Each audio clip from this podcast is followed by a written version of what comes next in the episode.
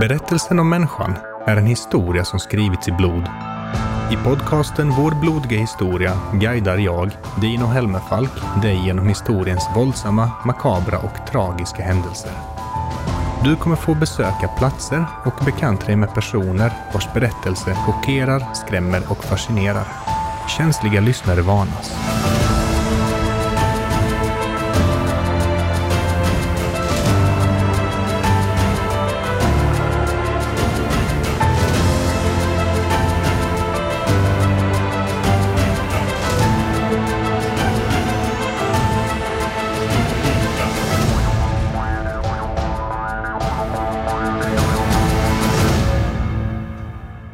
Kära fina lyssnare, välkomna tillbaka.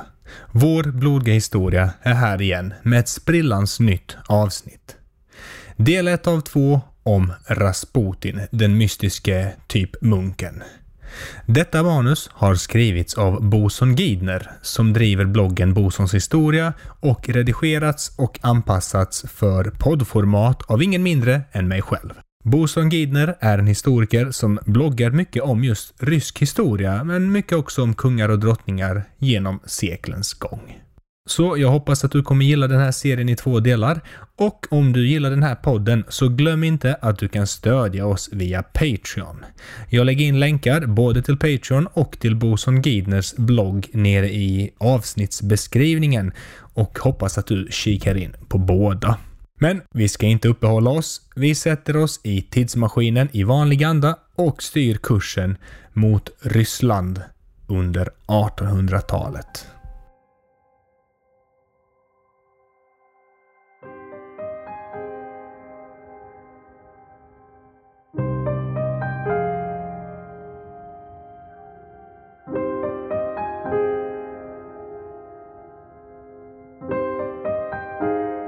Det är en mörk natt i december år 1916 i det ryska imperiets huvudstad Petrograd.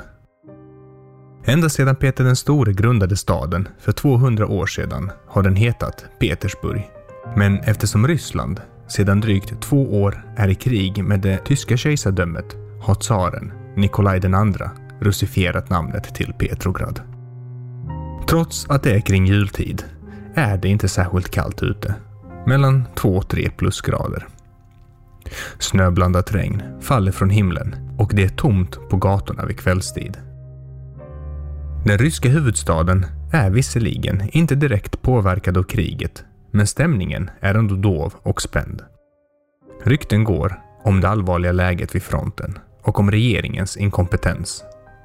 Folk går inte ut i onödan och håller sig till sig själva.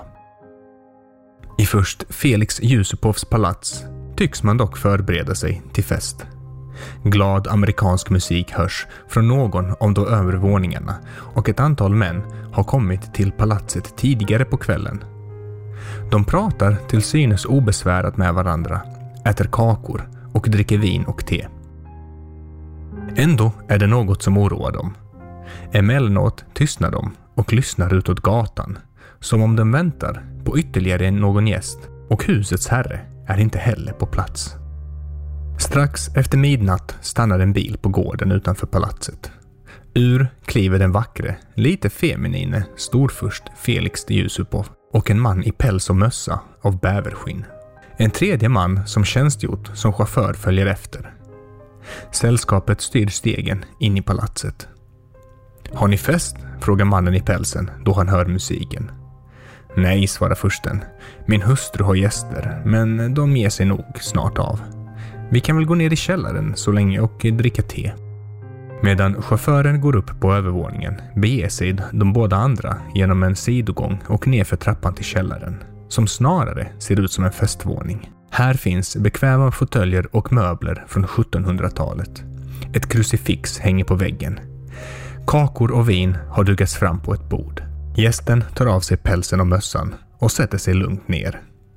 Nu ser man den ljusblå skjortan med blomstermotiv och det något ovårdade håret och skägget. Mannens ljusa ögon granskar nyfiket rummet med en säregen och genomträngande blick, men han tycks inte ana oråd. Han är inställd på en trevlig kväll i angenämt sällskap.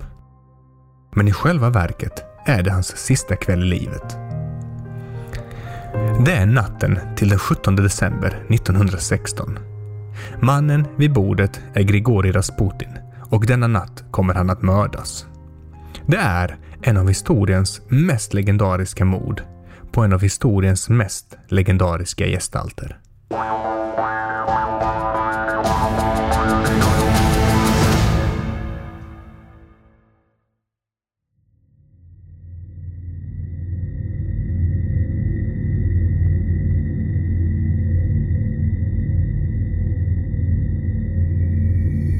Att vara en Rasputin är kanske inte något allmänt känt begrepp i vår tid, men det förekommer ibland när historiker och journalister diskuterar politiska skandaler eller personer som anses ha skaffat sig ett stort inflytande på ett otillbörligt, kanske lite mystiskt sätt.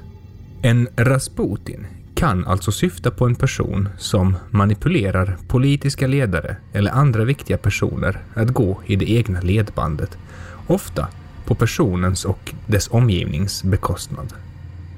När Park Geun-hye avsattes som president i Sydkorea 2017 jämställde många hennes förtrogne Choi Soon-sil med Rasputin.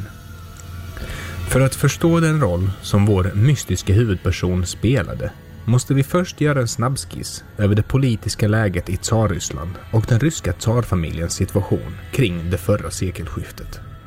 Efter mordet på tsar Alexander II 1881, som skildras i avsnitt 24 av den här podden, har alla försök till politiska reformer avstannat i landet. Den dödes son, Alexander III, driver benhårt tesen om tsarens envåldsmakt och okränkbarhet. Enbart hans imponerande gestalt och fysiska kraft gör att man lyder honom. Det berättas att han en gång stod och fiskade nere vid floden i parken till ett av sina palats då ett bud kom om en viktig Europapolitisk angelägenhet. Alexander konstaterade lugnt. Europa får vänta när tsaren fiskar. Hans skoningslösa förföljelse av oliktänkande väckte både beundran och kritik bland hans medarbetare. Då en av hans ministrar inför en kollega liknade Alexander vid den store tsar Peter som egenhändigt pryglade uppstudsiga undersåtar med knutpiska men samtidigt gjorde Ryssland till en europeisk stormakt svarade kollegan både fyndigt och sorgset. Detta är knutpiskan utan Peter den store. Ändå är inte allt frid och fröjd för Alexander den tredje. Kraven på reformer har inte tystnat och attentaten mot regeringsmedlemmar och tsarfamiljen fortsätter. Därför lever tsarbarnen strängt isolerade och när de är på resa är deras ekipage och tåg hårdbevakade. Tsar Alexander, som alltid älskat militärlivet, uppfostrar sina barn i sträng disciplin. Trots att de är omgivna av lyx sover de på militärsängar som i en kasern.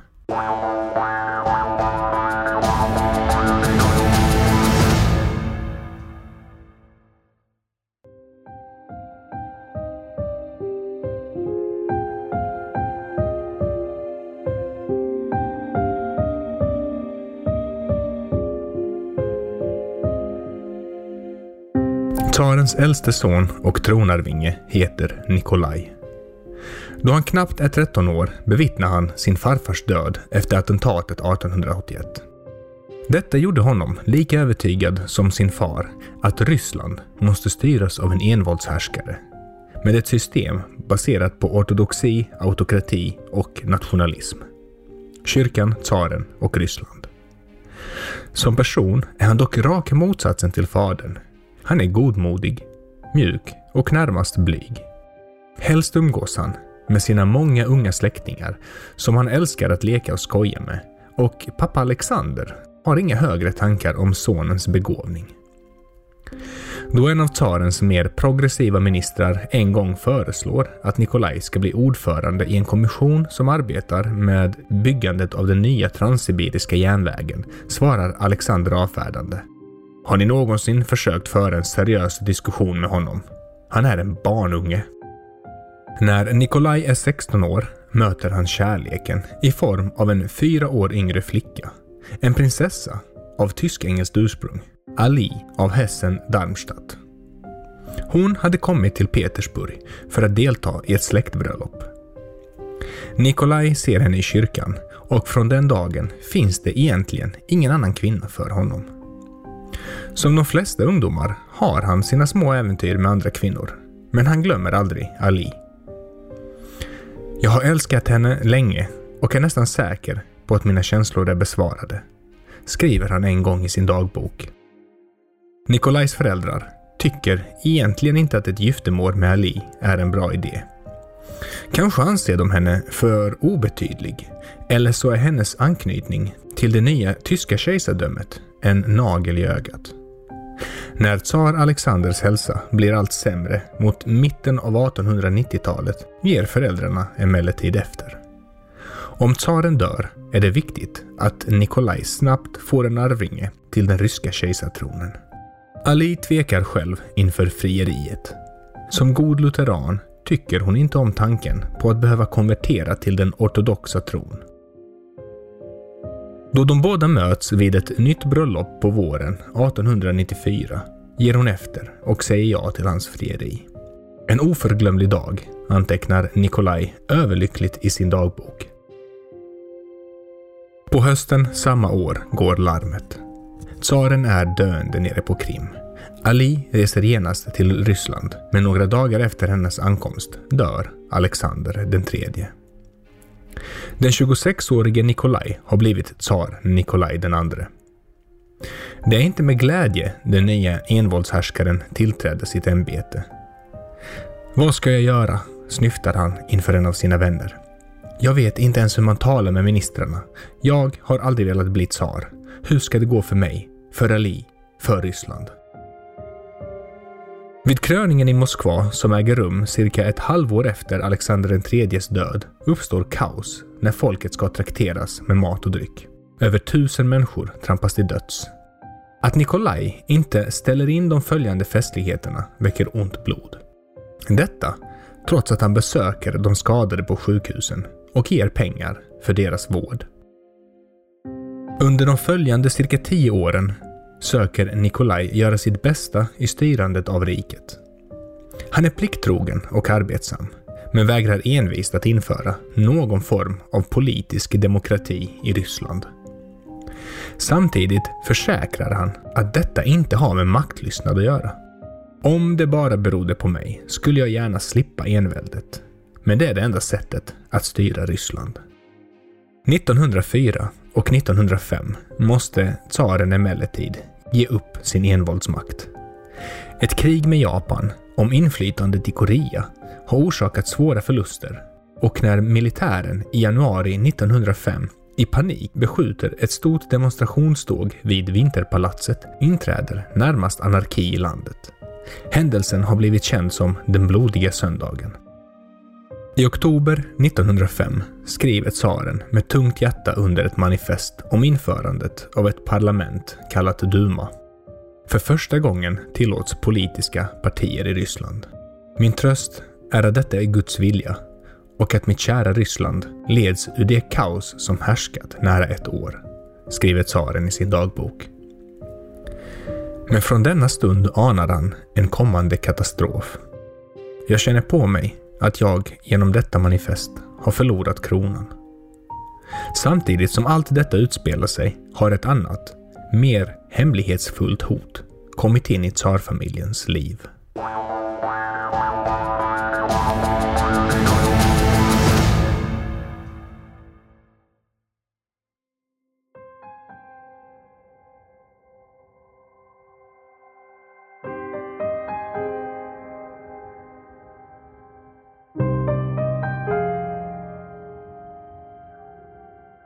Genom alla svårigheter utgör familjen tsar Nikolajs tröst och stöd i livet. Ali, som i Ryssland kallas Alexandra, gör för sin del allt hon kan för att uppmuntra sin älskade Nikki.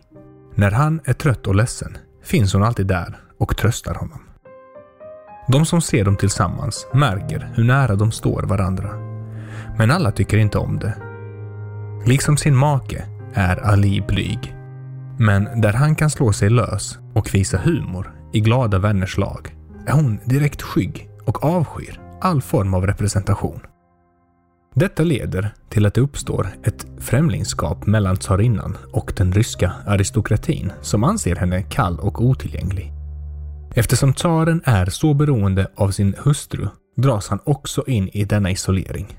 Happy wife, happy life.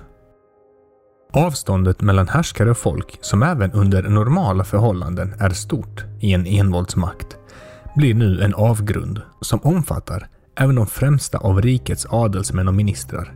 Mycket få personer har tillträde till tsarens innersta krets. Härskarparets stora glädje är barnen. Under de sju första åren får de fyra flickor, av vilka Olga är äldst och Anastasia yngst. Det finns bara ett problem. Flickor kan inte ärva tronen i Ryssland.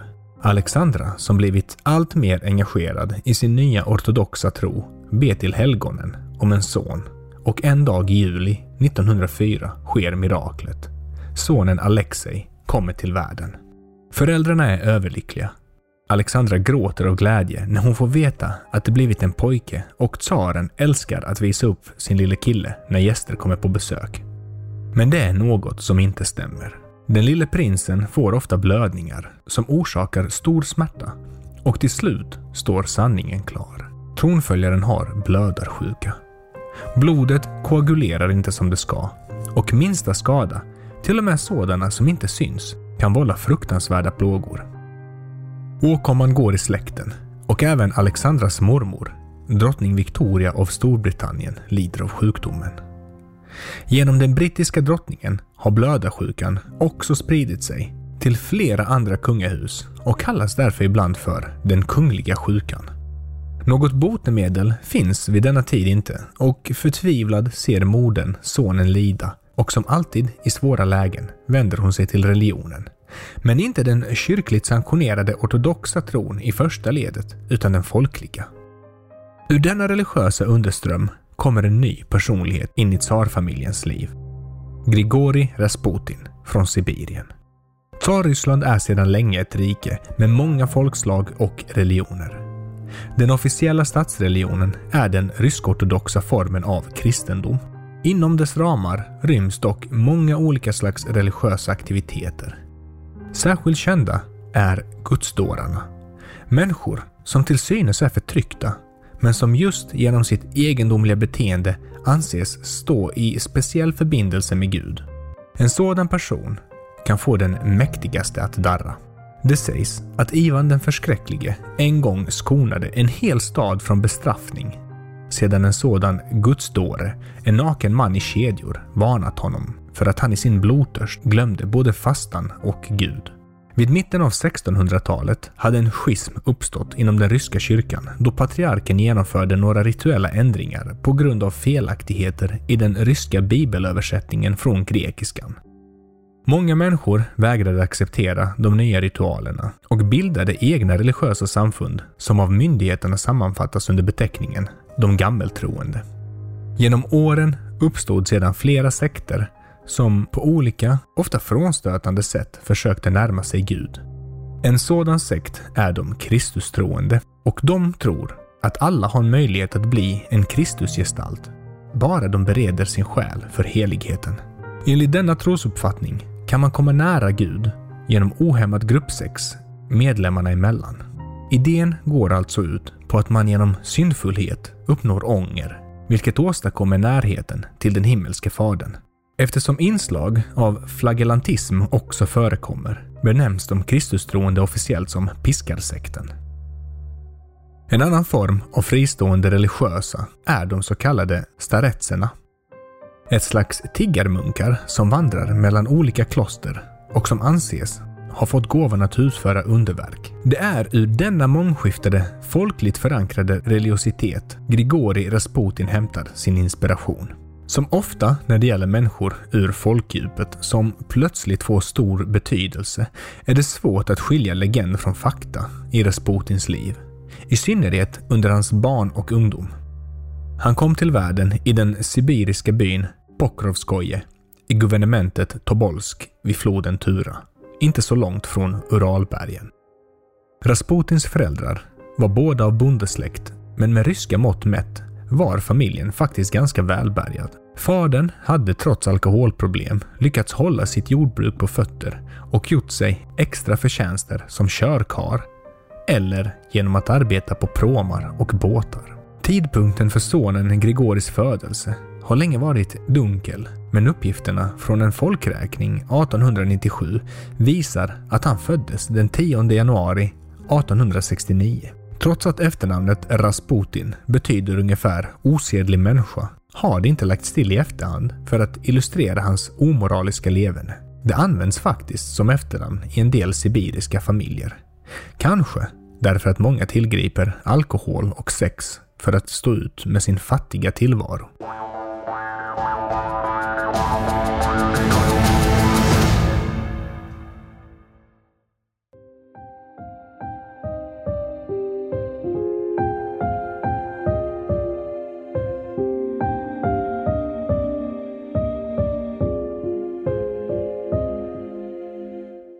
Redan tidigt verkar pojken vara dubbelbottnad. Å ena sidan hamnar han lätt i slagsmål, stjäl från grannar och lär sig tidigt att supa. Å andra sidan finns det något grubblande drömskt över honom som flickorna i synnerhet finner attraktivt. Något som tidigt slår omgivningen är hans besynnerliga blick med de ljusa ögonen. I ena stunden är den skarp och iakttagande. I nästa inåtvänd och drömmande. Alla som möter Rasputin minns dragningskraften i hans ögon. Den är märkbar även på fotografier ett sekel efter hans död. Så småningom växer Grigori upp, tar sig en hustru och får barn. Två döttrar och en pojke. Han bor kvar hos fadern och lever sitt liv som andra sibiriska bybor. Men något drar Rasputin bort från familjen. Han känner en kallelse att tjäna Gud och knappt 30 år gammal ger han sig ut på en pilgrimsfärd. Ett nytt liv har börjat. Snart blir den nya pilgrimen känd i de byar han besöker. Man ser honom ofta under vandringarna med inåtvänd blick, sjungande psalmer och gestikulerande med händerna i luften. Detta är hans sätt att bekämpa djävulen som alltid söker förleda den som funnit Gud. Det sägs även att Rasputin kan se in i framtiden och att han har makt att framkalla torka och regn. Under sina vandringar, som med åren för honom genom stora delar av Ryssland, kommer han i kontakt med de religiösa avarter som nämnts tidigare. Då han ibland återvände hem till Pokrovskoje håller han predikningar för en skara anhängare i ett eget bönehus som han låtit inrätta under familjens stall. Påfallande många av dessa anhängare är kvinnor och rykten börjar gå att denna nya gudsman i själva verket tillhör den kristna förbjudna piskarsekten. Samtidigt som myndigheterna försöker utreda anklagelserna kan de som träffar Rasputin inte undgå att fascineras av hans personlighet. Det nya seklet har nu börjat och även prästerskapet inser att något nytt är på väg att hända i Ryssland. Kanske är den besynnerlige bonden med den flammande blicken sänd av Gud att råda den vankelmodiga tsaren i det krisläge som uppstått efter japanska kriget och vid kravallerna den blodiga söndagen. Steg för steg får Rasputin kontakter allt högre upp i samhällsskikten, såväl den andliga som den världsliga. Och den 1 november 1905, enligt den julianska kalendern som vid denna tiden fortfarande gällde i Ryssland, skriver tsaren i sin dagbok. Jag har lärt känna gudsmannen Grigori från guvernementet Tobolsk. Rasputin har, på sätt och vis, länge varit väntad i tsarpalatset. Den protestantiskt födda tsarinnan är djupt engagerad i den religion hon konverterat till vid sitt giftermål. Särskilt fascineras hon av berättelserna om heliga män och kvinnor av folket. Dessa människor av enkelt ursprung som av Gud fått gåvan att utföra under. Hon vet att ett osvikligt tecken på denna helighet, paradoxalt nog, är att omgivningen betraktar den utkorade som en skurk och bedragare, på samma sätt som Kristus en gång förföljdes. Under åren kring sekelskiftet har flera av dessa heliga sporadiskt haft kontakt med tsarfamiljen men ingen har riktigt levt upp till förväntningarna. De många kriser som drabbat tsarparet under den närmaste tiden har också övertygat både Alexandra och hennes man att de måste få kontakt med en representant för folket. Någon som verkligen vet hur vanliga människor har det och som kan skapa en förbindelse mellan härskare och undersåtar. Tsarinnan är säker på att de flesta människor på gräsrotsnivå i Ryssland älskar sin tsar av hela sitt hjärta. Bara en av dem blir tsarfamiljens vän och förtrogne kommer all kritik som de fått utstå att tystna och den nyinrättade duman, som enligt tsarinnan består av en samling förrädare och skurkar, kommer upplösas. Hennes älskade Nikolaj, som är så godhjärtad men ack så svag, kommer åter bli det ryska folkets far och beskyddare. Kanske kan en sådan man av folket också finna ett botemedel för sonens blödarsjuka. När Rasputin kommer till tsarfamiljen är han alltså i deras ögon både ett Guds och ett folkets sändebud. Kära lyssnare, vi avslutar här den första delen av två om Grigori Rasputin. Och jag hoppas att ni gillat dagens avsnitt och är spända inför nästa del som kommer om två veckor. Glöm inte att ni kan stödja podden med en liten slant via Patreon. Och har ni inte råd med det så får ni jättegärna dela avsnitten på sociala medier. Jag som gör den här podcasten heter Dino Helmenfalk och jag tackar dig för att du har lyssnat. Vi ses igen om två veckor. Ta hand om dig, håll avstånd och hej då!